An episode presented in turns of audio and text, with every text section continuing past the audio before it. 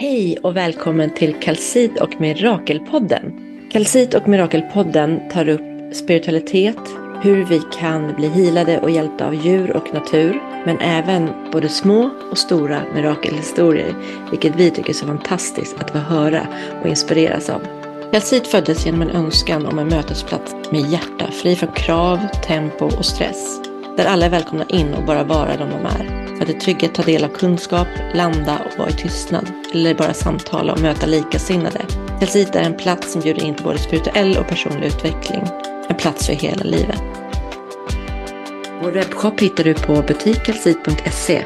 Vill du följa oss på Instagram, TikTok eller Facebook så finns vi på Butik Kalsit. Varmt, varmt välkommen in i Kalsits magiska värld. Vi önskar dig en härlig lyssning. Nu kommer veckans avsnitt. Hej och välkomna till ett nytt avsnitt av vår fantastiskt härliga podcast Kalsit och Mirakel. Alltså jag är så taggad på dagens avsnitt. Det är jag Madeleine som sitter här och ska podda med en gäst som jag tycker är helt otrolig. Hon, åh, oh, nu fick jag gåshud. Det får jag ibland när det är så här att det stämmer och bara känns rätt. Hon är inte bara en fantastisk sprudlande glad och varm människa. Hon är också yogainstruktör och kan mycket om kvinnohälsa och det är egentligen därför hon är här idag. Pernilla, välkommen. Vi har vår fantastiska yoga Perni med oss idag. Hej Pernilla! Tack snälla söta Madeleine, vad gulligt. Jag blir alldeles rörd när du säger så fina saker. Tack.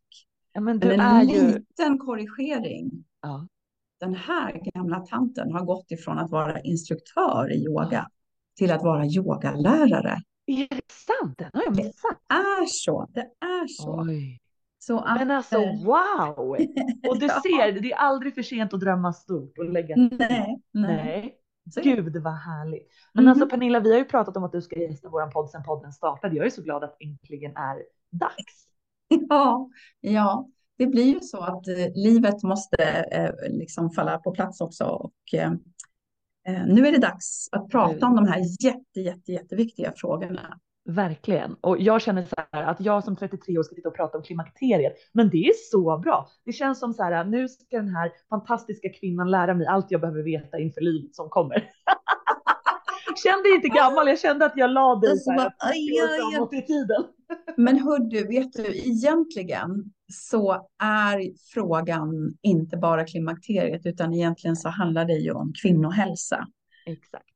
Och det faktum att det området är så eftersatt. Ja. Eh, att det forskas för lite. Och nu ska vi ändå säga att det är ändå 2023. Mm. Och tack vare några riktigt, riktigt starka individer här i Sverige så, eh, så lyfts nu frågorna här i Sverige också. Men vi ligger efter.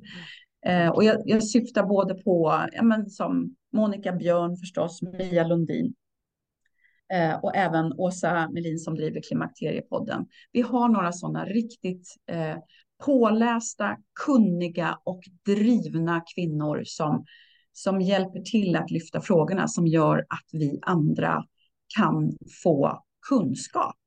För kunskapen finns inte eh, i, i vården alla gånger, tyvärr. Eh, som leder till att kvinnor eh, med problem som är jag menar alltså livsstörtande, eh, ska jag säga. Det är, det är så många kvinnor som mår så dåligt. Och då pratar jag inte bara om klimakteriet, utan då pratar jag om vi, vi pratar om PMS, vi pratar om PCOS, endometrios. Det är så fruktansvärt att så många kvinnor ska må så dåligt och inte få den hjälp som de har rätt till. Ja, men och hur lite vi vet. Alltså vi växer upp och sen när man blir runt 10-13 då får man veta att man överhuvudtaget ska få mens. Och eh, det är liksom det. Ja, Det, det är Ja. liksom det man vet och man får ont i magen och man kan bli lite Mm. sur och det Mm. skojas Mm. om det liksom. Men det är det man vet. ja, PCOS, endometrios. Jag var inte, jag var nog 20 när jag fick reda på vad det betydde för att en kompis till mig fick endometrios Mm. eller Mm. visade sig ha endometrios. Mm. Eh, jag visste inte ens vad det var. PCOS, jag var säkert 25-27 innan jag hörde om det första Mm. gången. Och Ja. att människor kan få hjälp för, för eh, PMS-besvär. Alltså det, det är sånt här man liksom, man lär sig inte om det här.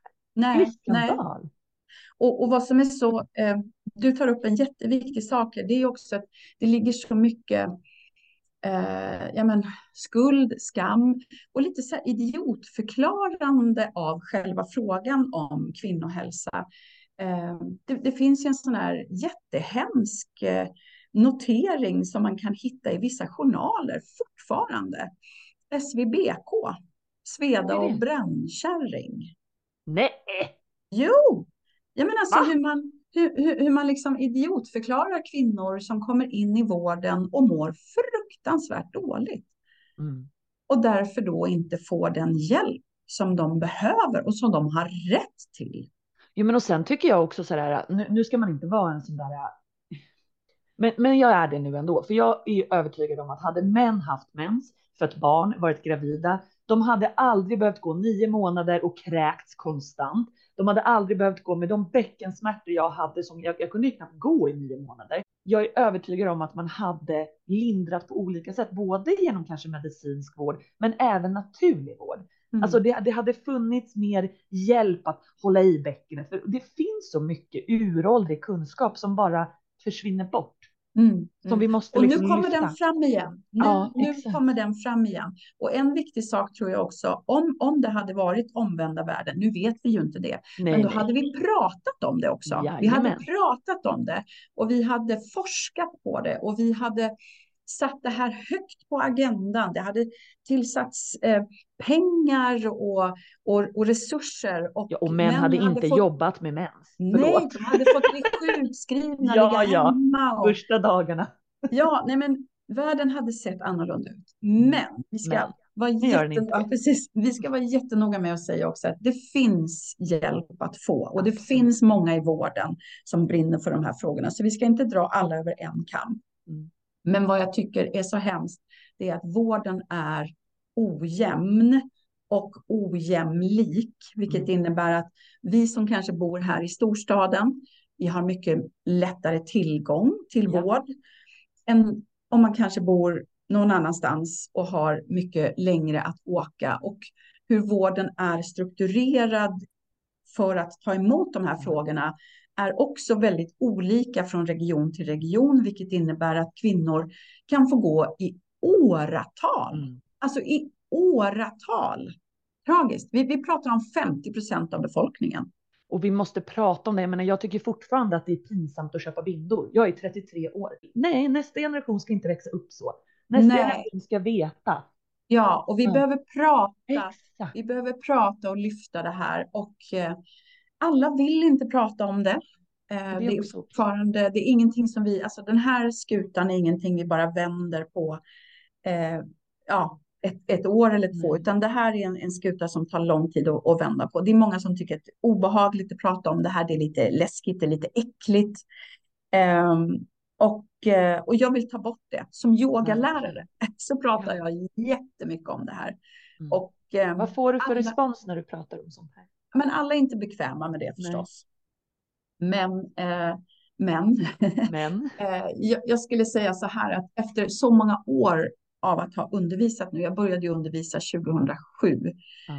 eh, så sedan dess har jag eh, undervisat i yoga och eh, sedan dess så, så har det för det första har det hänt jättemycket, både med mig men också med omvärlden mm. och frågorna per se.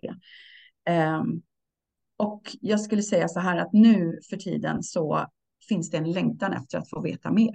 Jag, mm. jag, får förfrågningar hela tiden. Jag sitter precis just nu och förbereder en workshop i klimakteriekunskap som jag ska hålla för ett, för ett företag som wow. kommer att anlita mig nu som föreläsare. Så det kan man göra. Man kan anlita mig som föreläsare. Det är helt de här fantastiskt. Frågorna. Ja, där hela personalen ah. ska få eh, klimakteriekunskap. Kvinnor och män.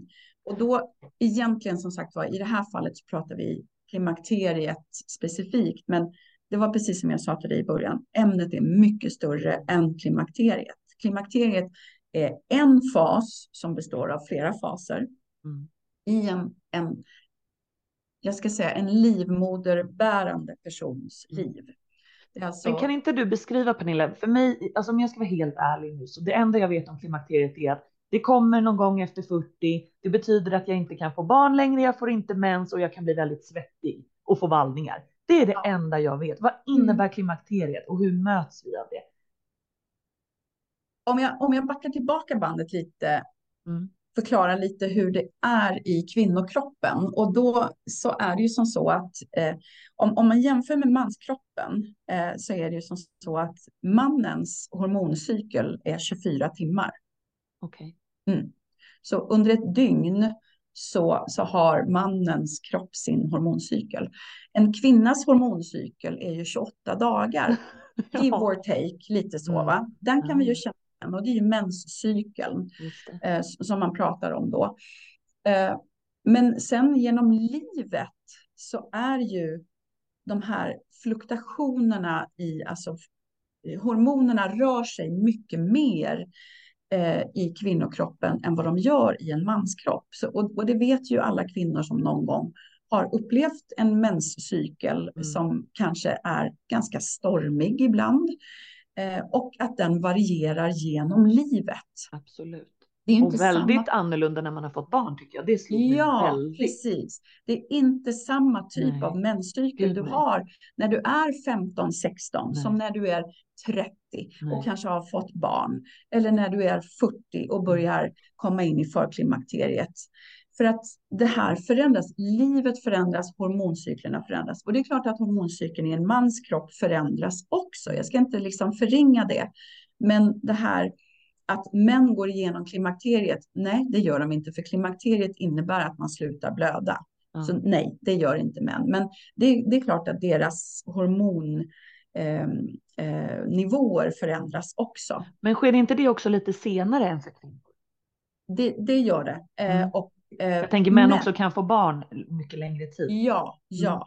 Men det är ändå så att det är Mm. klart att precis som i kvinnokroppen så är det ju som så med, med oss alla. Det här är ingenting som sker över en natt. Nej, såklart. utan det sker gradvis.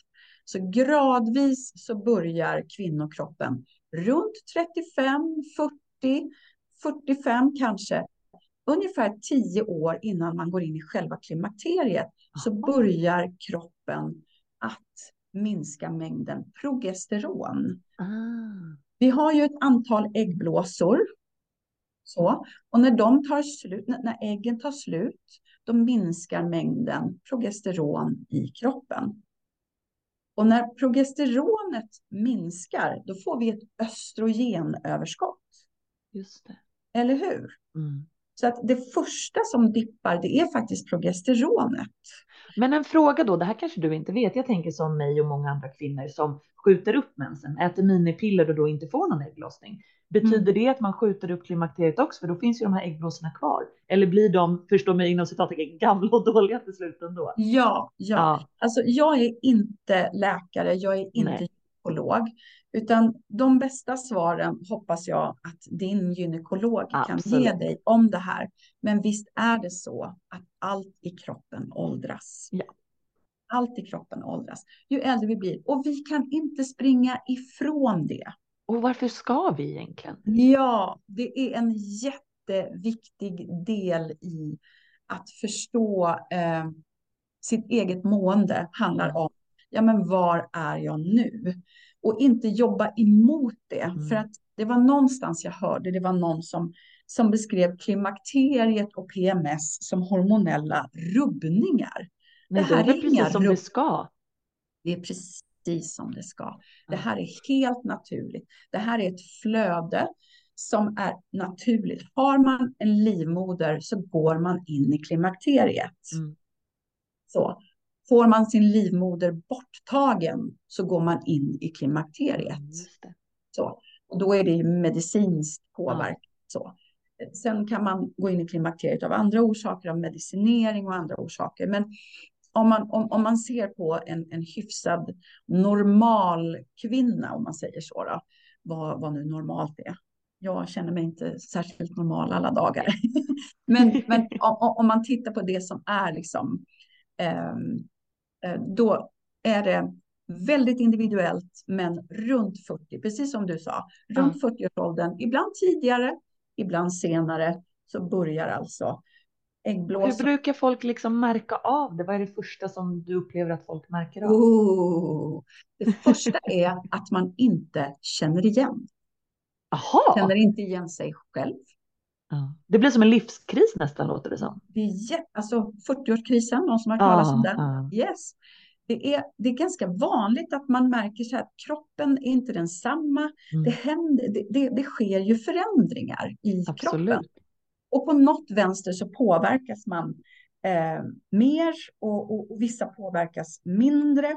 Och jag skulle väl säga så här att det är också väldigt individuellt. Men om jag ska säga så här, jag har skrivit ner några tips här. När, när liksom progesteronet sjunker, då blir det ju ett, en liten ökning då, alltså det blir en Ja. dominans i, i kroppen. Och humöret är väl det som många kan uppleva är det första man liksom, man kan bli så här lite lättretlig och, och, Ja. och, man kanske har lite svårt att eh, balansera ut de här eh, humörnivåerna som Mm. åker lite upp och ner. Det här är inte alla som känner så. Och jag ska säga att listan på symptom, jag ska säga att det här är symptom på förklimakteriet. Den är ganska lång Ja. Och individuell därefter antar jag. och väldigt individuell. Ja. Men, men humör eh, och det här att, att kroppen, att man inte riktigt känner igen kroppen. För det kan ju vara så också att när progesteronet sjunker, man kan känna att man blir lite så plufsig i kroppen. Eh, för att progesteronet är ju bland annat lite vätskedrivande. Just det, okej. Och, och man kan känna så här att träning, att kroppen inte svarar riktigt på samma sätt till Mm. exempel.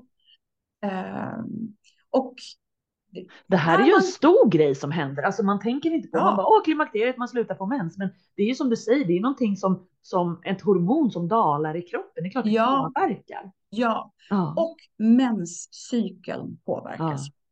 Just för det, för mensen kan också så här försvinna ett tag, komma lite grann, bli lite oregelbunden va? Oftast, jag säger inte alla gånger, men Nej, nej. oftast så kan man känna att till exempel menscykeln blir lite längre. Ah. Det är ganska vanligt att det liksom, om man tidigare har varit som en klocka till exempel, Ja. eller om man har varit en sån som har haft preventivmedel i hela sitt liv. Mm. Hej, p-piller från 14 Ja. års Då har man kanske dessutom inte så bra koll på sig själv. Nej. Mm. Så, så då är det inte säkert att man känner att menscykeln beter sig Just annorlunda. För det är ju liksom den här, ägg, precis som du sa, den här ägglossningen som sker, den är ju inte en, en naturlig ägglossning då, utan den, den har ju du liksom medicinerat dig till. Ja. Så även om den sker så är signalen någonting som du har medicinerat dig Mm. till. Då. Så att, eh, det är inte alltid lätt att känna igen det här. Fattar. Mm. Ja. Alltså det här med klimakteriet är ju större än vad jag hade förstått. Liksom. Och man, för, man har ju liksom nära anhöriga som eh, nu är i den åldern. För jag menar, när, när förra generationen i min familj var i den åldern, då var jag för liten för att förstå. Så nu hör man ju mer om det här och blir Ja. så här, jaha, kan det påverka på det här sättet? Och det är väl också för att jag tror ju, alltså sociala medier är jättenegativt på jättemånga sätt, absolut, men också positivt på många sätt för att man vågar prata om saker, man lyfter saker och man får mer kunskap och det har väl också öppnat upp de här kvinnoämnena mer. Eller så är det bara min familj som är lite mer öppen, men det känns som att det finns en längtan efter mer öppenhet hos många och det gör ju Ja. att man pratar mer om det här. Jag är så glad att du vill gästa oss Pernilla, för det är så viktigt att Ja, men, få mer kunskap. Ja, men precis. Mm. Alltså det är så härligt. Jag, jag har ju lyssnat på och gått kurs hos Monica Björn, inte bara en gång. Och vem är Monica för de som inte känner? Monica Björn är ju en av eh, de som jag verkligen tycker att man ska följa Mm. eh, om man är intresserad av de här frågorna. Vilket jag tycker att vi behöver vara. Eh, och ehm, hon eh, också bakom och skapare av varumärket Stark genom klimakteriet. Vilket jag tycker beskriver faktiskt det vi behöver göra på ett väldigt bra och tydligt sätt. För Mm. det är som så att vi kan göra massa saker för att gå starka och kanske till och med ännu starkare än vi var innan genom klimakteriet. Och precis som du sa i början, att vi faktiskt eh, förbereder oss så att när vi sen är på väg in, att vi har liksom Ja, skapat men vi vet vad som händer med vår egen kropp. förutsättningar. Ja, och kanske också skapat schyssta förutsättningar. Att vi inte bara i huvudet vet, utan att vi faktiskt också kanske har, har försett kroppen med eh, eh, ja, men verktyg för att kunna liksom glida in i klimakteriet utan att det behöver eh, kanske bli så jättestormigt. Inga garantier, men det finns flera saker man kan göra. Har du något tips på sådana saker? Jag tänker att det sitter några där och bara, åh, vad kan jag göra för att det här ska bli en smidig övergång? Mm, mm, ja, eh, det första som jag alltid vill att man ska eh, fundera lite över, det är stress. Mm. Den där kompisen som jag håller så hårt i handen fast jag inte vill. ja, och stress och återhämtning, Mm de ligger ju i varandras vågskålar sådär. För det är så, så här, lite stress, det mår vi ju bra av. Det är liksom lite så här, positiv stress är det som kan liksom kicka upp och kicka upp oss ur soffan. Eh, men den negativa stressen, den som ligger och gnager, den som bränner slut på oss, den som gör att hormonnivåerna fluktuerar ännu mer, Mm den som gör att vi väljer den dåliga kosten, den som gör att vi prioriterar jobb före träning, före sömn, Mm. före kramar med familjen och tid i återhämtning. Den stressen, den behöver vi se över. Mm. Och ehm, den där balansen, den kan bara du veta i dig vad som är din balans när du har lärt känna vad du behöver. Och lite som jag sa tidigare, tyvärr så har vi inte blivit tränade i att lära känna oss själva. Eh, En annan kvinna som jag jättegärna tipsar om, det är ju Jenny Kos, Wolverine Aha. Kos. Jätte, jätteduktig eh, och eh, påläst eh, inom kvinnohälsa. Mm. Och eh, hon, hon talar ofta om, om, om, om den här vikten av att tidigt utbilda våra tjejer i Ja. att lära känna sin egen menscykel. Det, det är verkligen något jag suttit och tänkt på när vi pratar. Att inte förrän, eller att, att vi inte pratar mer om det. Alltså skolan borde prata om det här. Det var liksom så att man pratade om mens och det var två lektioner och sen var det inget mer med det. Mm. För jag vet så många, många, många gånger och det är säkert många som känner igen sig. Man har känt sig så frustrerad och bara så här så arg så att man nästan inte känner igen sig själv och bara varför är jag så irriterad av den här grejen och så kommer mensen så bara just det, det är därför. Mm. För det är bara då jag får den där känslan. Och så Ja. bara blir man påmind om att just det, men att man kanske skulle liksom få lära sig. Nu befinner jag mig i den här dagen i min menscykel. Okej, nu kan det vara så att det kommer börja känna så här och då vet Ja. jag vad det beror på. Att Ja. liksom se över sitt, sin vardag och se vart man befinner sig kontra cykeln. Ja, Jag kanske inte behöver lägga in den där dunderfesten då, för jag vet att jag mår lite sådär. Precis, Ja. precis. Och det där är ett aktivt val som bara du kan Ja. göra. Ja. Och när du har lärt känna dig, och så att in och följ Jenny Kos, in och följ och läs hennes böcker och utbilda dig. Ta hjälp av hennes verktyg och redskap för att lära känna dig, lära känna din cykel, hur funkar det här i dig? Och prata, mammor, prata med era döttrar, kompisar, prata med varandra, väninnor, prata med varandra. Ja. Eh, utan att det behöver liksom bli världens största grej, större än världsfreden. Men, men ändå, låt oss lyfta frågorna så att du kan lära känna dig, så att du kan ge dig det du behöver så att Mm. du mår bra. Och när du hittar vad som är lagom för dig, ditt lagom, det är bara du som kan svara på vad som är ditt lagom. Då kanske det är lite lättare också att kanske välja bort den där kortsiktiga lösningen Mm. som typ den där stressen, de där sakerna som du kanske säger ja till, uh, fast du egentligen inte har tid. Mm. Eh, Jag menar, vi måste inte ha ett perfekt hem. Det måste inte alltid vara renskurat överallt. Och precis som du sa, jag måste kanske inte gå på den där festen. Nej. Jag måste inte göra alla de där sakerna som, som det är lätt att, att tro att eh, nej men jag blir bedömd om jag inte gör det här eller jag är en dålig människa om jag inte. Eh, jag kan tycka så här att det finns, oj, jag älskar ju yogan för mycket fina redskap där, men en jättefin påminnelse tycker jag det finns i yogan där man kan tänka som kroppen som Mhm. själens tempel. Ja. Och den ska, den, den ska klara att bära din själ genom hela livet. Ja. Och då måste jag hjälpa till och ge den förutsättningar. Ja, ta hand om ditt tempel. Ja. Ge dig det du behöver. Och det innebär att gå och lägga sig i tid. Mm. Så att du får sova dina timmar. Och kvinnokroppen, kvinnohjärnan, kvinnans nervsystem, allt det här. Behöver ordentligt med sömn. Vi pratar 8 till 9 timmar Mm. per natt. Exakt. Så de här personerna på sociala medier som oftast är män som sitter och säger nej men det är okej, jag klarar mig på fem timmars sömn och ba, ba, Men ba. du kanske klarar det, men hur mår du? Ja men alltså och lyssna inte på dem Nej. därför att kvinnokroppen är inte en liten manskropp. Nej. Och, och förresten, låt honom få göra det då. Bye bye, det där är Ja. dig. Du har ansvar för din kropp. Mm. Och jag vet att det är provocerande när man mår väldigt dåligt. För när vi kommer in i klimakteriet nu, då är det väldigt många kvinnor som drabbas av psykisk ohälsa. Är det sant? Det visste inte jag att det kunde hänga ihop. Jo. Och Är klart det just det här för att man inte känner igen sig själv, att man får som en liten livskris nästan? Nej, det det, är inte bara det. det? Är inte Nej. bara det, utan det är mycket mer än så. Utan Okej. för det första så är det som så, när man inte får sova ordentligt, Mm. Såklart, Så. då blir man skörare. såklart. Mm. Men sen är det också så här att hormoner och signalsubstanser hör ihop. Okej. Hormonerna är ju de som, så att säga, ja, nu förenklar jag jättemycket. Eh, signalsubstanser är ju de som överför information Mm.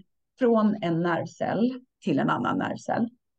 Men det är eh, hormonerna som styr hur signalsubstanserna ska liksom gå i sin Ah. Aha, och om det Yes. då är lite upp och ner med hormoner så blir det lite upp och ner. Yes. Ah, okej. Ja, och signalsubstanserna, de styr till stor del känslor, humör, tankar, det där som är på insidan. Och det här Så är sånt man inte pratar om heller. Nej, hade ingen nej. Nej, men där har du svar på ditt mående i menscykeln också. Ja, ja. Och sitter man där och bara, varför mår man så här? Ja, det är inte så Ja. konstigt. Det finns en fysisk förklaring. Ja, och det är, i graviditeten är ju många som känner det här också. Och hormonerna som, som gör att humöret åker upp och ner och sinnet och tankarna. Förlossningsdepression is a Japp. real thing. Japp.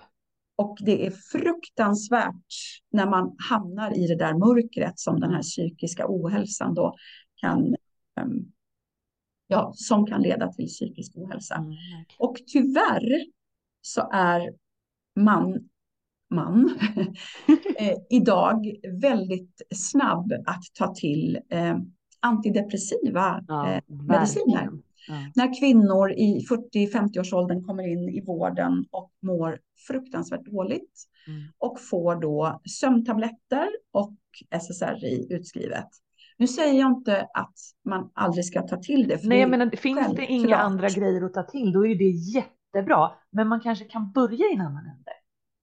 Om inte annat så behöver man lägga in Komplement. klimakteriet i den stora vågskålen och inte Exakt. utesluta den. Utan Mm. ta in den och se och fundera lite på, är det här någonting som kan vara med och påverka? Och här vet du att det finns ett motstånd i många kvinnor Mhm. för att ibland så kan klimakteriet ses som en svaghet. Nej, Jo, men varför det? Det är något vi alla går igenom. Det är en del av våran Mm. kropps liv. ja, men det, och, och ja. Men är det ja. för att man har en sån bild av att kvinnor inte ska åldras och inte bli gamla och går man igenom klimakteriet, ja, då är man där. Tror att det kan vara Ja, något ja, sånt? men inte bara det, att man kanske känner att man orkar inte samma sak förut, Ah. eller som, som man gjorde förut. Och, ehm, och, och därför kan det finnas ett, ett inre motstånd till det här. Åh, vad Ja. sorgligt att det ska vara så. Vi hoppas Ja. att vi kan ändra på den bilden. Ja, Lite jag i alla fall. Ja, jag hoppas det. För grejen är ju som så här att det är ju klart att det är förjäkligt att kvinnor inte får hjälp. Ja. Eh, eh, men samtidigt så måste vi också ta bort den här bilden av att eh, skuldbelägga eller, eller att skamma kvinnor för att man Mm. faktiskt för att det faktiskt funkar på det här viset. Ja. Och nu, nu ska vi också komma ihåg rent statistiskt att så är det ju så här att ungefär 80 procent av alla kvinnor upplever ju att de känner av symptomen Mm. av klimakteriet. Det är 20 procent som, känner, som, som inte känner så mycket, utan som jag brukar skoja säga, som glider igenom klimakteriet på en räkmacka. eh, lucky fellas och lucky girls. Eh, så. Men de flesta av oss känner Mm. av mer eller mindre. Men, och jag tror, jag, jag vet inte, jag kan ha helt fel, men jag tror ju också som att det ligger något i det här med att kvinnor ska inte åldras eller man ska åldras eh, så vackert och det finns det här sexiga kvinnans, alltså den här bilden av vad är kvinnlighet och att det kanske då finns något form av motstånd i många när man känner att man börjar. Det är ju en annan typ av kvinnlighet. Jag tycker att det är minst lika liksom vackert, om inte mer, när man åldras kvinnligt som man bara är. Men att man ser sig själv som den där 20-30-åringen som är sitt vackraste, kvinnligaste jag. Och att man känner att de här hormonerna gör att nu är man på väg ut från det där absolut kvinnligaste. Men det sitter ju inte där. Nej, och det är ju eh, en, en jätteviktig sak du tar upp där Madeleine, mm. att, eh, att acceptera livets olika skeden. Ja. Vi är inte 15 av en anledning hela livet. Tack och vill man Gud. vara det hela livet då? Nej, jag ska Nej. inte alltid skoja säga det. Thank God att man inte Nej. Och, och vi behöver, alltså jag älskar att man i Japan så kallar man klimakteriet för den andra våren. Åh, nu ska man få bli den där kloka, sensuella, härliga kvinnan. Ja, ja. Se det så istället? Hon som kan släppa taget ah. om de här alla måstena. Hon som kan säga nej. Ah. Hon som står upp för sig själv. Hon som står upp för sina väninnor. Ja. ja, ja, ja. Men det är inte så lätt och särskilt inte mm. kanske om man har ett, ett högpresterande jobb i någon mm. mansdominerad bransch. Då är det inte lätt att stå där. I det här ensam. samhället, man ska må bra. Hur mår du? Jag mår bra. Hur mår du? Bra tack. Mm. Alltså nej, det behöver inte vara så. Nej, och det behöver dessutom vara som så att vi, eh, ja, men att, att vi tar den här kraften själva. Att, ja. att vi tar kraften, för den kommer inte komma till oss. Mm. Den kommer inte komma till dig, utan du behöver ta den här kraften själv. Så läs på, utbilda dig, lyssna på dig själv. Och nu menar inte jag att du ska lyssna på dig själv och ge dig den där andra kanelbullen. För att det där unnet, det, det var ju, nu sa ju hon Pernilla, att jag skulle lyssna på mig själv. Det är inte att ge ditt tempel det templet mår bra av. Utan ge ditt tempel, ge din kropp näring i form av sömn, återhämtning. Vi behöver bygga styrka i kroppen. För nu börjar ju muskelmassan att minska. Bentätheten minskar. Vi behöver belasta, vi behöver styrka. Ta tillbaka din kvinnliga kraft.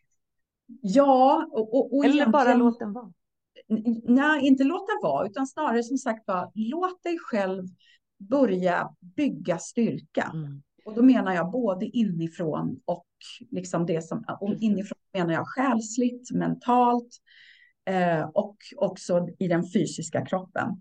Så jag menar som låten var, den kanske aldrig försvann. Det är så jag menar. Nej, Känner du dig nej. som den här powerkvinnan, du behöver inte tappa allt för att du går in i klimakteriet. Behåll den.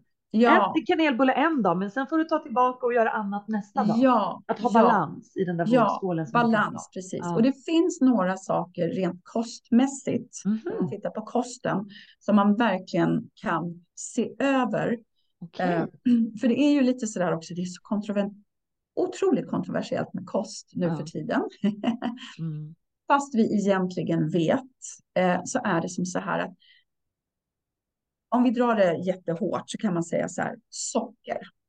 Japp, boven. Vi mår ju inte så bra av det egentligen. Nej, så då kanske man inte ska äta socker i sin renaste form eller dricka Coca-Cola eller, eller vad det nu är för någonting. Eller den där, den där, vad det nu är för någonting som du häller i dig. Den där pumpalatten till exempel som består av 46 procent socker. Don't do that every day. Men kanske Nej. ta det en gång på helgen då. Låt det vara Exakt. ditt, lördag, ditt lördagsgodis. Så socker. Sen är det kaffe. Är det sant? Ja, men alltså vem sover gott på kaffe? Nej, det är sant. Det är väldigt sant. Ja, så om du är en kaffedrickare, ja, men du kanske inte måste dricka åtta koppar kaffe. Exakt, njut kan- av den första. Ja, Mm. alltså låt det kanske bara vara två kaffekoppar om Ja. dagen. Och sen kan du kanske hitta någonting annat. Ja. Du måste inte säga nej till allt. Ja, ja, men, ja, men alltså cold turkey är ju Ja. inte heller bra. Att bara, nej, jag får inte äta socker. Får... Nej, det blir ju inte sunt. Och det blir inget kul liv. Men Nej, också här, hitta sin egen balans. ja, hitta din nivå. Så socker, kaffe alkohol. Ja, den där boven. Ja, Mm. och vi vet idag att alkohol är någonting som verkligen eh, jag menar, alltså försämrar kroppens läkningsmöjligheter, Mm. Försämrar för hormonerna och därmed signalsubstanserna att fungera optimalt. Mm. Så Ja, att, jag är sån här tråkig som är övertygad om att hade alkohol kommit bra hade man aldrig ens godkänt det. mm, det kan nog mycket väl vara så. Ja. Eh, Så. eh, och det är ju samma med rökning förstås, nikotin. Ja. Alla de här stimulansmedlen och dit hör Ja. ju koffeinet också förstås.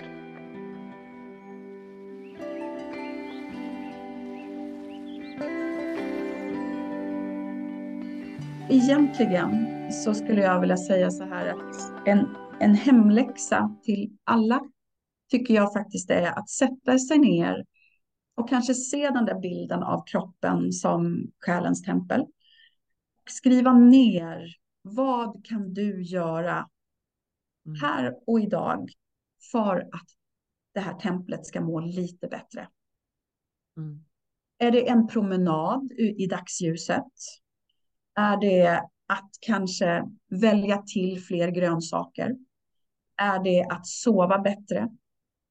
Är det att ge dig den där massagen som du kanske har råd med? Om du inte har råd med det, vad kan du ge din kropp som gör att den mår bättre? Det är en den... fråga man borde ställa sig varenda morgon. Ja, Vad kan jag göra för min kropp idag för att den ska må Ja. lite bättre? Ja, Och ta de där små, små grejerna som bara gör Mm. att man mår lite bättre idag. Lite ja. bättre idag. Ja, och som sagt var, sömn, återhämtning, för Ja, riktigt förmåga till återhämtning Mm. minskar med åldern och vi behöver aktivt, så både sömn men också en aktiv återhämtning, kanske en promenad i skogen eller vad det Ja. nu är för någonting. Och sen kosten. Mm. Fundera över vad är det som du stoppar i dig som, som du faktiskt verkligen mår bra av. Och om det är någonting du stoppar i dig som du inte mår bra av, men du ändå, åh, jag njuter så av den där chokladbiten. Mm. Ja, men ta den där chokladbiten. Men låt det vara bra sen. Ja. Så, men välj det aktivt då. Låt det inte vara slentrianmässigt. Nej. För det blir ju så sen när vi kommer in i klimakteriet och när östrogenet också droppar. Då droppar också serotoninet. Och det är då Mm. vi börjar gå efter de här snabba kolhydraterna. Eh, Så om, om, om, Mm. om, precis, om det blev problematiskt när progesteronet droppade i förklimakteriet och man känner att man, man har lite svårt att hantera eh, stress och, och sådana saker och kroppen känns konstig och man går till snabba kolhydrater, då ökar det i klimakteriet. Runt 50-årsåldern börjar det här liksom att, att bli Mm. eh, en utglesad menstruation och man kan hoppa över mensen ibland och då är du inne i klimakteriet. Och det är då man kan verkligen känna att den här listan med symptom är Mm. jätte, jättelång. Och det är allt ifrån att man har ont i kroppen, apropå att vi behöver röra på oss, vi behöver liksom så, man kan få Där är ont. väl yogan bra, det här med att sträcka Yogan är ut, sträcka. Fantastiskt. Yin-yoga specifikt Ja, är ju fantastiskt när vi får in i fascian, sträcka ut och återhämta i vila. Ja. Så viktigt. Men vi behöver också adressera det faktum att östrogenet är antiinflammatoriskt. Mm. Och när östrogenet sjunker i klimakteriet då kan det också vara som Ja. så att du i samband med att dina slemhinnor nu blir lite torrare, för huden blir torrare, slemhinnor blir torrare, ökar risken för urinvägsinfektion helt plötsligt. Just det. Ja, Det ja, och det är många i vården som inte ser den kopplingen heller. Nej.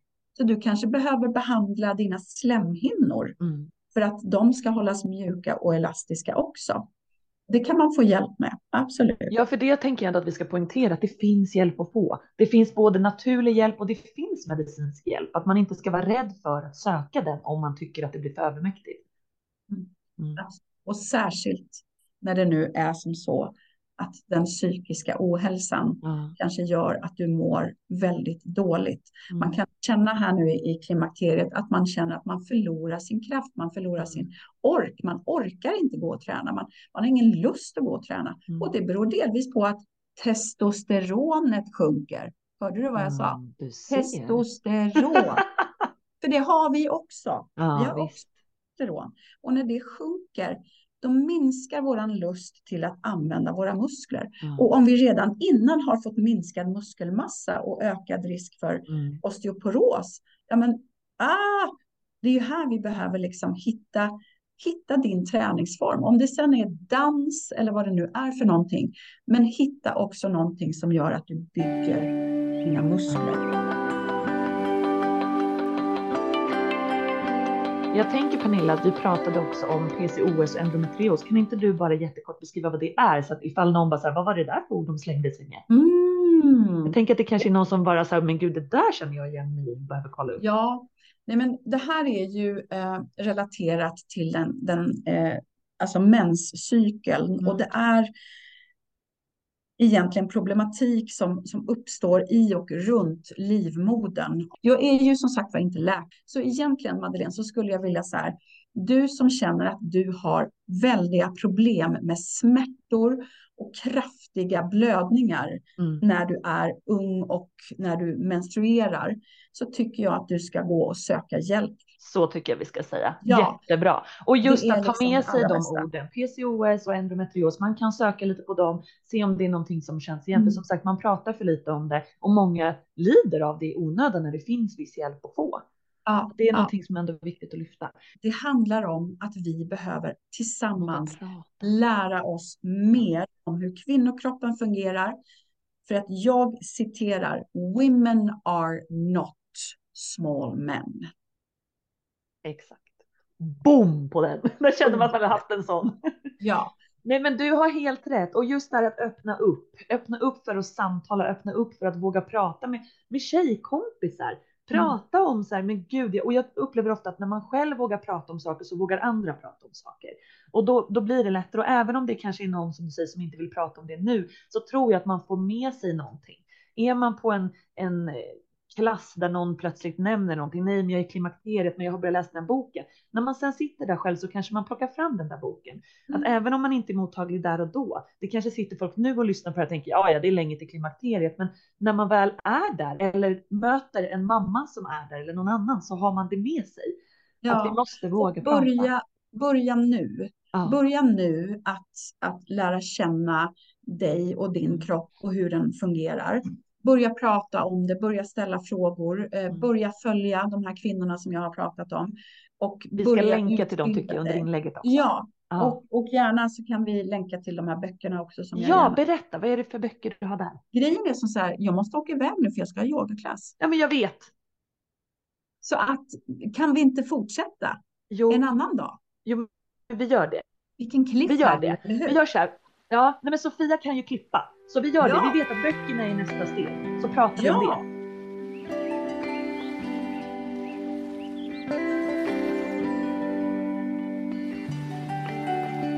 Hej igen hörni! Alltså det här blir ett speciellt avsnitt av Kalkyl för Mirakelpodden för att jag poddar ju med Pernilla idag men vi kände oss ju inte klara sist och behövde liksom ta en paus för annat. Men idag fortsätter vi vårt poddavsnitt. Hej Pernilla! Hej! Vi kände ju sist att så här, ah, tiden börjar rinna ut för oss för den dagen för att vi hade inte all tid i världen, men vi är inte klara med vårt avsnitt. Så att vi vet inte var vi var. Vi vet inte riktigt vart vi avslutade sist, men vi vet vad vi vill hoppa på, eller hur? Ja, alltså, och grejen är väl lite med de här frågorna generellt kan jag tycka, man blir ju aldrig klar heller. Och Nej. Det är så mycket som behöver lyftas upp i ljuset och det är så mycket utbildning, alltså Mm. kunskap som behöver föras vidare. Och det är så, jag möter ju så, i mitt jobb som yogalärare, så möter jag ju så otroligt mycket människor. Varje dag, varje vecka så möter jag ju jättemycket människor. Och jag pratar jättemycket om de här frågorna. Och det är nästan alltid så som du sa till mig precis innan vi hoppade in här nu att folk säger, både kvinnor och män säger, va? Är det det som är klimakteriet? Jag trodde bara att det var vallningar. Och det är liksom en, en vanlig missuppfattning att symptomatiskt för alla kvinnor i klimakteriet är att de får vallningar. Det är inte givet att alla drabbas på samma sätt och av samma saker. Men det var konstigt att det är liksom det enda referensen vi har. Snacka om att vi behöver prata mer, föra kunskap från kvinna till kvinna till kvinna och prata om de här sakerna. Yes, we do. Yes, we Ja. do. Och jag vill också säga så här, för jag har ju hunnit tänka till lite mer kring, kring vad vi pratade om förra gången, som jag minns. nu, nu när vi sätter oss ner igen. Och en viktig del i det här, eh, när vi pratar om kvinnohälsa, det är ju att komma tillbaka till det vi sa förra gången, det är ju verkligen att lära känna sig själv, lära känna sin egen kropp. Utan skuld, utan skam. Mm. Utan att neutralt observera vad mår jag bra av och vad mår jag mm. sämre av. Så att vi aktivt kan välja mm. och välja till och välja bort utan att eh, dessutom tro att det ska vara linjärt hela livet, för det kommer alltid att mm. förändra sig. Livet är inte en, en flatline, för då vore vi ju döda, utan allting förändrar sig och hormonerna i en kvinnas kropp kan ibland beskrivas som en cirkus, ett kaos, eller så kan det beskrivas som ett aktivt liv. Exakt. Att hormonerna är aktiva, fluktuerar, det förändrar sig och det är en del av livet. Men mår man dåligt, då måste man söka hjälp och man har rätt hjälp. att få hjälp. Det finns Exakt. hjälp. Tyvärr är hjälpen lite eh, ojämlik. Ja över landet och också eh, tyvärr är det som så att de med ekonomiska förutsättningar som alltid har det lite lättare då. Att få hjälp. Men det finns mycket man kan göra själv. Det finns ja. saker som man kan ta till eh, och eh, har du något tips på sådana där saker som man kan ta till för att liksom underlätta klimakteriet? Jag tänker rena produkter eller saker mm. som man mm, kan mm. lägga till i sin vardag för att göra det smidigare. Så. Ja, om vi, om, om vi börjar och, och titta på förklimakteriet som är tiden eh, innan själva klimakteriet. Man, brukar prata om ja, men ungefär tio år innan man går in i klimakteriet. Då börjar ju progesteronet att sjunka. Det pratade vi om. Och vad som händer här, det är ju oftast att man märker det i form av att mensen ändras. Mm blödningsmönstret förändras. Antingen att man kanske får en glesare menscykel eller tätare. Eh, och, och, det där är olika från kvinna till kvinna. Och är det som så att man inte märker någon skillnad i sig överhuvudtaget så är det ändå så att alla kvinnor går in i förklimakteriet. Mm. Och vad man kan göra oavsett om man känner mycket eller känner ingenting. Du kan förbereda dig på att klimakteriet kommer genom att ett, läsa på, två, lyssna in dig själv och tre, börja göra förändringar som du vet kommer att stötta dig sen när du väl går in i klimakteriet. Det första handlar om stressen. Mm. Just det, för det här pratade vi om, just det här med stressen och att stärka sin kropp att ja. göra det man mår bra av och hitta ja, det. Liksom. Ja, men precis. Och stressen är ju inte alltid bara relaterad till den fysiska kroppen utan Nej. också till strukturen runt omkring. Absolut. Och det är inte alltid lätt att minska stress, särskilt inte om man kanske befinner sig i en livssituation som är stressa, stressig och stressad. Eh, och särskilt nu när många kämpar ekonomiskt, man kanske vibblar runt med två, tre olika jobb för att få ekonomin att gå ihop. Man kanske lever som ensamstående förälder. Man kanske har barn med, med NPF och, och andra typer av utmaningar i livet som gör att man som förälder behöver liksom engagera sig mm. ännu mer. Och det finns ändå saker. Och, alltså jag, jag, vill inte ta bort ifrån någon kvinna det här förståelsen för att alla ibland och ibland väldigt mycket har det jobbigt. Men mm. Gör det du kan för att Med det du har. Mm. Med det du har, precis. Om det innebär att du minskar dina stressnivåer genom att gå ut och andas en stund varje dag, då vill jag rekommendera det enkla gratis tipset att varje dag gå ut, få dagsljus på näsan, i ögonen och på huden, tanka lite D-vitamin och andas några djupa andetag. Andas in genom näsborrarna, ner i magen, sänk axlarna, håll kvar andetaget och sucka ut. En sån bara, grej kan göra så stor skillnad. Ja, och bara genom att göra det en liten stund varje dag så kan du hjälpa din kropp och din, ditt sinne, dina tankar och hela det här fantastiska intrikata systemet mm. som är du, att kanske sjunka ner lite mm. i stressnivåer. En annan sak som är oerhört avgörande för välmåendet, det är att få ordning på sömnen. Mm. Mm. Så stress och sömn, det är liksom många gånger där det börjar. Och det innebär, gå och lägg dig i tid. Gå och lägg dig. Ta bort mobiltelefonen. Ta mm. bort tvn ifrån sovrummet. Den har ingenting i sovrummet att göra. Sovrummet är till för att sova och andra möjligheter. Men mm. ingen tv i sovrummet. Gå och mm. lägg dig i tid. Vi behöver inte titta på, på Netflix. Det kan verka härligt i stunden att koppla av med att slötitta på någonting. Det är mycket bättre för din hjärna. Och nu låter jag som en sträng tant. Jag hör mig själv och pekfingret åker upp sådär. Men återigen, om vi kommer tillbaka till den där listan som du faktiskt kan skriva ner för dig själv med några saker som du kan göra för ditt eget välmående, så vet vi ju allihopa att vi mår ju egentligen inte bra Nej. av varken scrollande eller tv-tittande.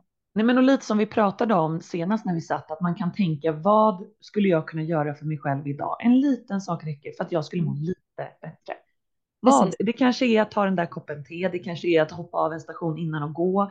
Sista biten, det kanske är just att så här, nej men jag skiter i Netflix idag, jag läser en bok. Alltså ja. vad kan jag göra idag? Ja men jag kanske väljer bort den där skräpmaten och tar den här istället. Och mm. då blir det heller inte så övermäktigt om man tänker det dag för dag. Och nej, det handlar inte precis. om att plocka bort allt glädjefullt och livsnjutet, utan att bara också tänka vad kan, jag, vad kan jag välja? Inte bara vad kan jag välja för njutigt i allt skräpigt, utan vad kan jag välja för nyttigt i mitt njut också. Det blir ja, en balans. Och egentligen vad det handlar om det är ju att välja till det ja. som gör gott i längden. Och om man tänker så här nu, om vi, om vi tar tag i våran stress, om vi tar tag i våran sömn, mm. då handlar det också om nu att välja till de saker som ger näring. Ja. Sömn, god sömn är näring i mm. återhämtning. Mm. Vi behöver sova 8 till 9 timmar per natt som mm. kvinnor. Vi behöver det. Och sen kanske inte alla får till det i sin vardag. Då vill jag inte stressa med det. Men se till att du går och lägger dig. Se till att du går och lägger dig. Och är du en sån nu där klimakteriet drabbar dig med att väcka dig klockan tre varje natt. Tjoho liksom. Och det var väldigt ironiskt. Det är fruktansvärt jobbigt att inte få sova en full natt. Men då finns det ju hjälpmedel att ta till. Man kan lära sig att använda yoga nidra. Man kan lära sig att kanske, nu vill jag säga emot mig själv då, kanske använda en sömnapp. Ja, ja. absolut. Så att eh, gå upp en stund, kanske liksom börja ladda om kroppen mm. lite och börja om. Inte öppna eh, Netflix eller någonting annat, utan börja om och mm. prova att somna om igen. Ja, men och sen också försöka tänka att vila är också återhämtning. Jag brukar säga det till min dotter. Den ena har ofta väldigt svårt att somna och kan liksom säga jag kan inte sova, jag kan inte sova. Och förut man bara jo försök, jo för... Men då blir hon nästan stressad. Så mitt svar är alltid när hon säger efter två sekunder på kudden, jag kan inte sova. Vet du, du behöver inte somna, men vi kan ju försöka ligga och vila en stund och tänka på något kul. Eller mm. och så blir hon, ja fast jag kan inte sova. Nej men gör inte det. Vila bara då. Då tar mm. man liksom bort den här stressen över att man måste somna och ja. tänker att ah, ja, jag skiter i att somna, jag vilar bara. Sen mm. somnar ju hon då på två sekunder, men just mm. att försöka ändra mindset att istället för att ligga och stressa nu fem timmar tills jag ska gå upp när jag tre timmar, utan okej, okay, skitsamma. Om det inte går att somna så gör det inte, då vilar jag bara då. Mm. Det är också och, återhämtning. Och det finns ju precis, det, det är också återhämtning. Att, att vila är återhämtning. Och det finns ju flera hjälpmedel att ta till för att bryta den här låsningen kring som både kan inträda, precis som du beskriver, vid insomnandet på kvällen, men det kan också inträda då när man behöver somna om efter att man har blivit väckt av någon anledning. Eh, lavendel, jättebra hjälpmedel. Eh, så jag brukar använda lavendel eh, och gärna i, tillsammans med rosmarin tycker jag är jättefint. Ah, så att jag på vilket gör sätt använder du dem? Oh, jag gör ett litet spray till min lilla son som jag faktiskt har börjat sälja till andra nu, för det var väldigt ah. många som behövde hjälp att sova. Um, så jag gör ett litet hydrolat och, och droppar i lavendel och um, eh, rosmarin. Uh, och sen kan han spraya det på sin kudde och, och, och lägga sig och, och sover jättegott. Eller om man eh, använder en roller och blandar i en bärarolja och har lavendel på sig. Sen finns det ju kristaller förstås som man också kan använda om man tycker det. Men, har du något men, tips på kristaller? Nu blir, där, ja, där går jag igång. ja, Nej, men, eh, det är ju de traditionellt lugnande och ja. rogivande och blå kalcit förstås är ju våran favorite. Yes. Eh, men också ametisten. Ja. Jag vill gärna tipsa om ametisten och särskilt eh, för klimakteriet skulle ja. jag säga. Hur den liksom stöttar i det där lugnet eh, som kanske, för det, det är mycket stress kring eh, den här tiden i livet för väldigt många kvinnor och eh, då tycker jag att de är fina. Sen sodaliten förstås. Mm. Blåa svalan, sodaliten. Det är många som, när man sen går in i själva klimakteriet, om vi har pratat mycket om förklimakteriet, när man är i själva klimakteriet är det många som får problematik med vallningar. Alla får inte vallningar. Mm. Jag säger det igen. Men då kan pepparmynta vara jättebra. Aha. Mm. Eh, pepparmynta eh, som man kan använda dels på handlederna men också att andas in. Eh, och då finns det några jättefina yogaövningar också som man kan använda för att kyla kroppen. Sitali andning där man andas in den svala luften och andas ut den varma. Oh, wow. Ja, så det finns jättemycket fina eh, mm. tips på eh, saker överallt skulle jag säga. Det är mm. nästan snarare det som är problemet idag, att vi, vi svämmar över av, eller mm. världen svämmar över av, man ska göra det, man ska göra det, man ska göra det och sen så är det någon som lyssnar. Ja, och sen är det någon som lyssnar på det här och bara, aha, oj hjälp, nu ska jag göra det här och det här och det här också.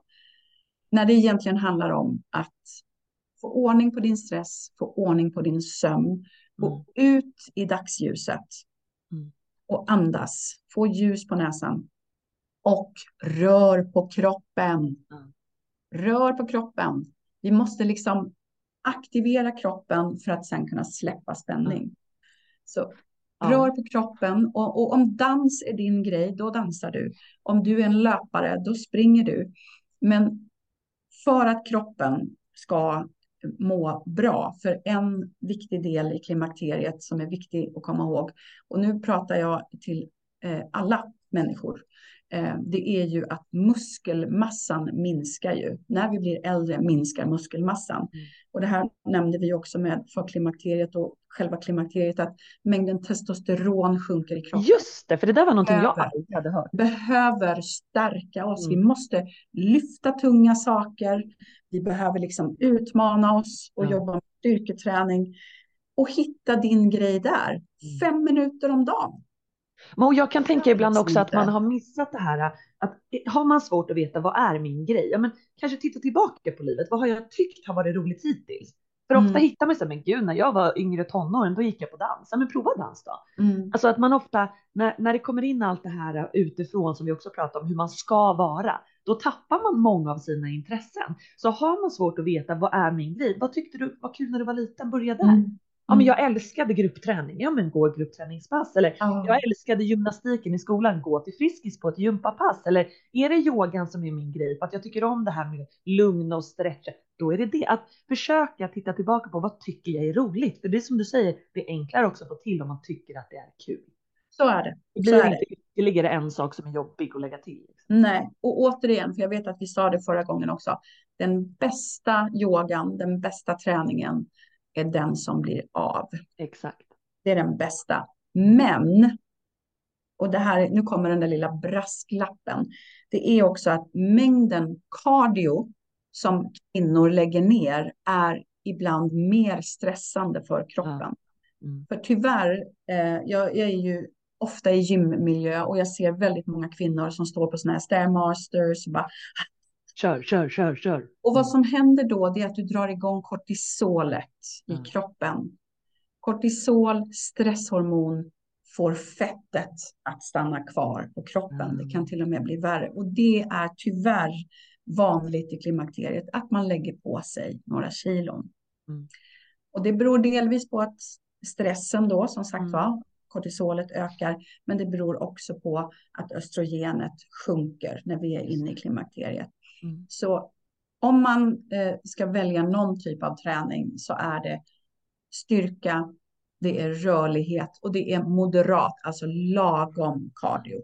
Vi behöver liksom inte bli maratonlöpare, men är du en löpare, men spring då. Men du måste. Men spring då! Spring då, för ut och spring. Ut och spring! Ut och spring, men du måste kombinera ja. styrka och du, vi behöver rörlighet. ja, vi, precis den här smidigheten som man annars tappar lite av. Ja, för vi blir stela. Och en, en jättefin sak tycker jag är verkligen hur yin-yogan har ja. seglat upp. Restorative yogan seglar upp, yoga nidra. De här återhämtande yogaklasserna seglar upp nu som favoriter överallt. Folk bara... Jag är så sugen på eh, yin-yoga just de här långsamma rörelserna, att sträcka ut kroppen, att andas ut stress och muskelspänning. Alltså, det tilltalar mig. Mm. Och just att vi vet att i fascian, de här hinnorna i ja. kroppen, så lagras det östrogen. Mm. Och när östrogenet sjunker i klimakteriet, då blir vi alltså stramare. Ja. För det försvinner alltså östrogen ifrån fascian som då blir stramare. Eh, så jätteviktigt och jättekul och bra. Och både män och kvinnor kommer på klasserna och det är jätteroligt. Gud vad kul. Mm, du Pernilla, vi pratade lite om menopaus. Vad betyder det? För det har vi liksom inte. Det är mm. ett sånt där ord som man bara slänger sig lite med. Men vad innebär det och var ligger det i det här liksom perspektivet? Det innebär, i, i, I grunden är det liksom baserat på ett grekiskt ord och som egentligen innebär att man slutar att blöda. Ja, ah, okej. Okay. Så att det, den engelska termen menopaus är egentligen mer beskrivande än det svenska klimakteriet. Ja, för det säger ju ingenting egentligen. Nej, egentligen. Nej. Och klima. Ja. För många människor, det är ju kopplingen till temperatur, hens vallning. Ja, det är klart. Och därför är det många som pratar om att vi borde byta ord. Men alltså potato, potato, kalla det vad du vill. Om vi bara pratar om klimakteriet istället så vet vi vad det innebär. Ja, precis, precis. Och då kan det heta precis vad som helst. Exakt. Men som sagt var, själva, själva klimakteriet är ju den tid då eh, mensen glesar ut eh, och det börjar liksom bli mer intensiva blödningar. Eh, och, och, man kan märka att det, det kommer till och med slemhinneavlossningar som innebär att det, det, det är ganska det är klart nu. liksom. Ja, ja, men liksom, det, det, är lite så att det blir brunfärgat och, mm. och det blir mer. Och vad som händer här det är ju också att i och med att blödningarna kan bli mycket rikligare, att många kvinnor drabbas då av, av järnbrist. Just det. Uh, så, och, så, och, och, det bidrar ju till att välmåendet kanske är lite sämre där då. Och, och, och jag vill verkligen så här, prata om de här frågorna för att ge hopp. Mm. Och att, vi, att kvinnor ska sluta och, och lida i tysthet utan istället Exakt. pratar om det för att det finns hjälp att få. Liksom. Så att är det järnbrist du har, då behöver du få, få hjälp med det. Mm. Um, så att du kan må bra igen. För att ha järnbrist, det är, det är inte, inte varken nyttigt eller skönt. Nej, men precis. Uh, så att... Uh, och hur mår man efter klimakteriet? Är det liksom så här, nej men då är allting toppen igen? Eller liksom hur funkar det då? Postmenopaus, ja. Ja, efter klimakteriet. Um, egentligen så är det ju många jag möter som pratar om, åh äntligen, äntligen så är jag av med den där jäkla mensen. Ja. Tänk den känslan kan man förstå. ja, tänk så mycket billigare det blir. Ja. Uh, och, och tänk vad skönt att inte behöva oroa sig för att bli gravid. Man, behöver, man kan känna sig fri. Ja. Symptomen kan fortfarande ligga kvar Aha. en bra tid efter. Ja, det visste inte jag. Ja, jo, men alltså, för nu är det som så att nu ska ju kroppen leva då ja, med det. en lägre mängd östrogen, en lägre ja. mängd progesteron och andra eh, hormoner som alltså har minskat då. Mm. Kroppen har förändrat sig. Du har kanske förändrat dig och jag vill väl säga så här att en av de coolaste grejerna tyckte jag med att fylla 50, det var att jag kände så här, fasiken vad gött att nu har man fått pondus. Ja, nu, nu är jag en sån här äldre kvinna med lite, ja. liksom, lite go, lite erfarenhet. Ja, precis. Man, ja, och att man vågar stå trygg i det. Ja. Uh, att man vågar stå trygg i att det är okej att uh, vara äldre.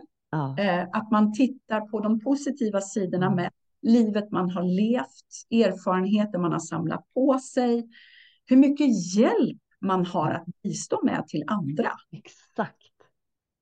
Istället för att liksom tänka att nej men, nej, men det är väl ingen som vill höra det här. Jo, jo. Jo! Jättemånga unga kvinnor som Ja. behöver höra vad viktigt det är att de står upp för sig själva. Ja. Eh, att vi breddar plats för fler samtal om de här frågorna.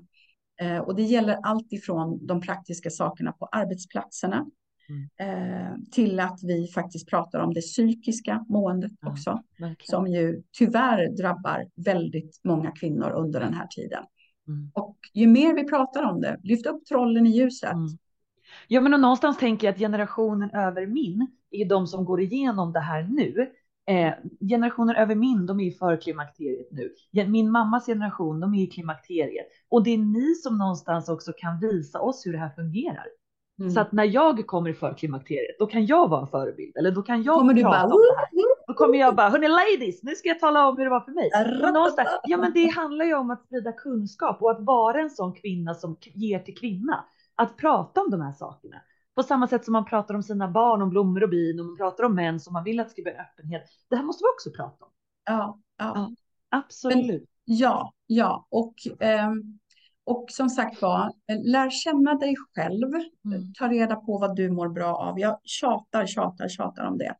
Eh, och eh, våga välja till de saker som du känner att det här bygger styrka. Och då menar jag styrka i alla plan, inte bara liksom styrka, utan som bygger en bra grund att stå på. För att en sak som händer i klimakteriet när östrogenet sjunker, östrogenet är ju antiinflammatoriskt. Mm. När det sjunker, då kan det ploppa upp, eh, ja men alltså autoimmuna sjukdomar kan helt plötsligt börja plopp liksom så, som man inte har vetat om. Nej.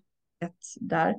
Och det du kan göra i förklimakteriet, det är ju att göra en ganska eh, schysst omställning för dig Mm. själv så att Det blir så övergången smidigt det går liksom. Ja, så Ja. att det blir liksom en, en mjukare övergång. Och alla drabbas inte likadant. Vissa får väldigt torra slemhinnor till exempel. Just det, det pratade vi om. Ja, och de här torra slemhinnorna kan sitta både i ögon, underliv, mun, Ja.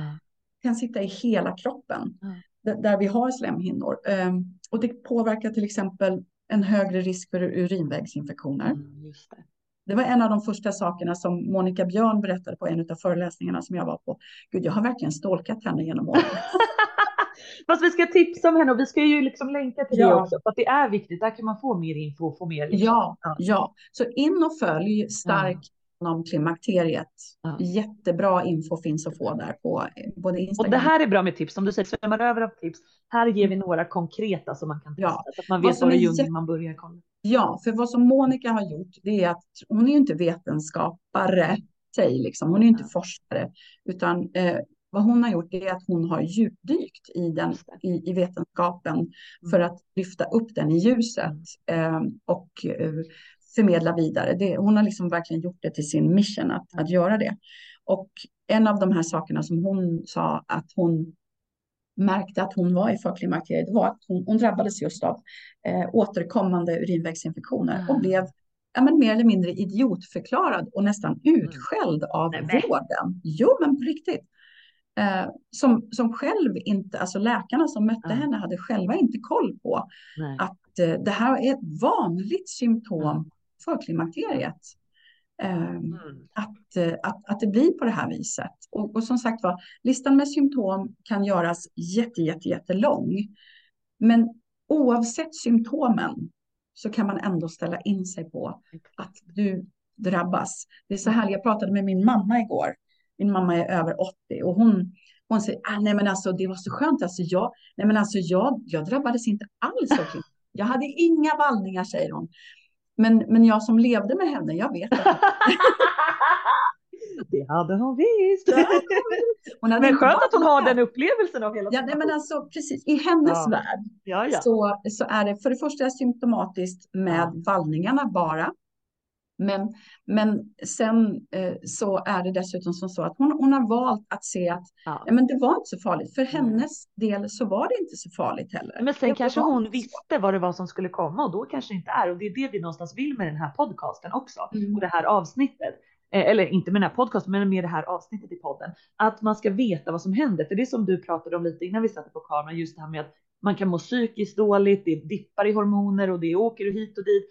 Att man inte förstår att ja, men det är att göra, men det kanske är lättare om man förstår att det kan bero på det.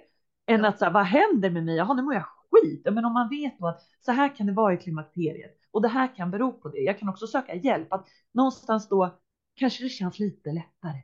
Ja. Att veta vad det kan, varför det är så här. Varför mår ja. jag så här? Varför sker det här? Vad då klimakteriet är väl bara vallningen? Nej, det här kan vara klimakteriet också.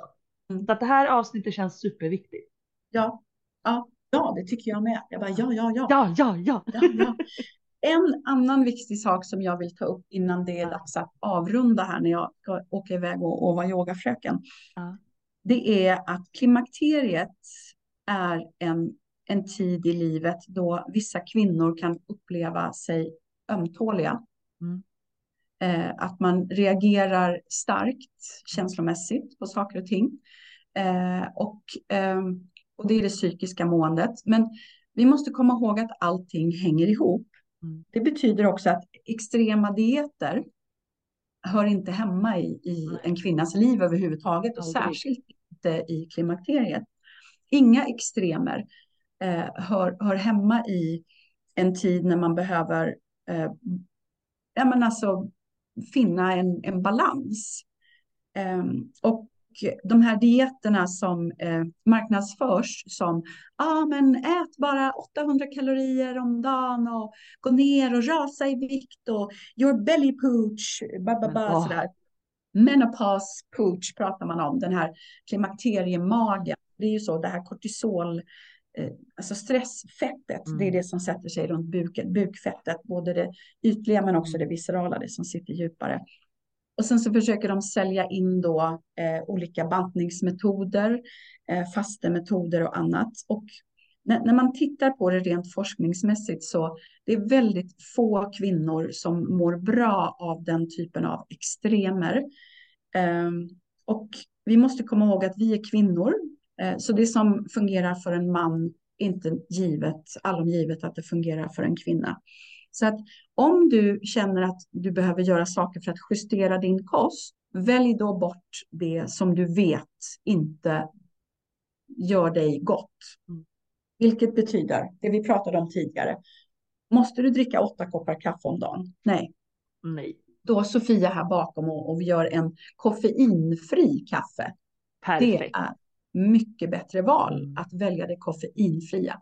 Mm. Och kanske inte tio koppar. Det kanske räcker med en kopp om dagen. Välj bort det vita sockret.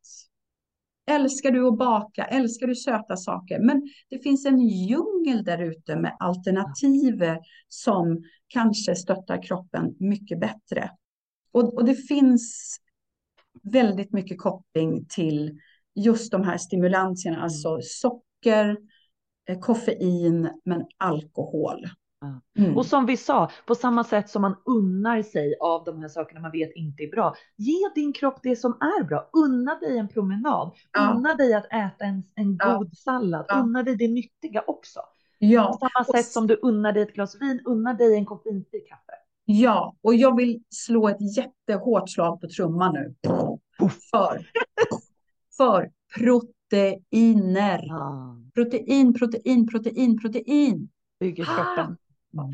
Proteiner och fett. Ja. Proteiner och fett, proteiner och fett.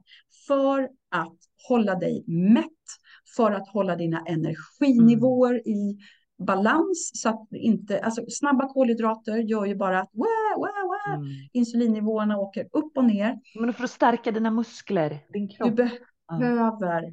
få i dig proteiner av hög kvalitet, fetter av hög kvalitet välj schyssta grejer. Och då menar jag inte att man ska liksom lägga alla sina pengar på det. Men om nu det är som så att du har svårt att få ihop tid till att laga mat och det blir liksom snabbmakaroner och falukorv. Då kanske att du ska lägga din tid på food prep. Ja. Och jag vill säga så här att miraklet, om vi ska prata om mirakel, så skulle jag säga mirakel uppstår när du gör val som hjälper dig att må bättre. Exakt så.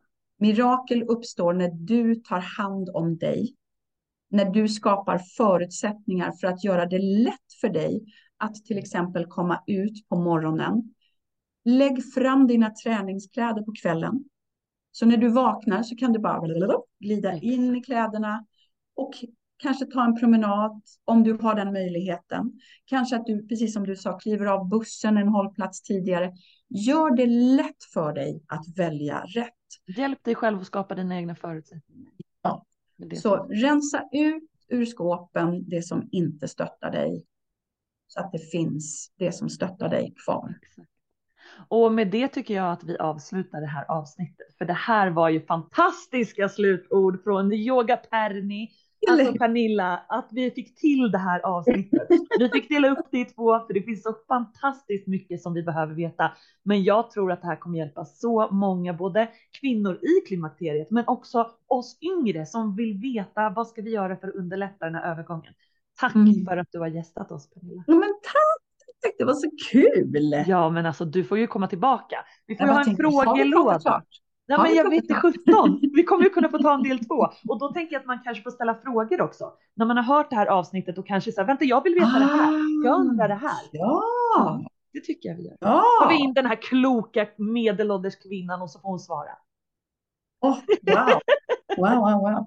Nu är jag ju ingen läkare. Jag vill vara jättetydlig med det också. Det är viktigt. Du är en kvinna i dina bästa dagar och med de råden kommer man långt. Det är så vi ska prata kvinna till kvinna. Det är så som man i generationer har gjort. Och nu finns det nya saker som vi behöver lyfta som vi inte har lyft förut. Och då är det här fantastiskt tycker jag. Ja, ja. låt oss ta hand om varandra tillsammans. Verkligen. Du mm. Pernilla, ha en fantastiskt fin dag och även till dig som lyssnar. Tack för att ni har lyssnat på det här superfina avsnittet. Jag hoppas att vi hörs igen. Tack, Tack snälla ni. Namaste. Hej då. Hej.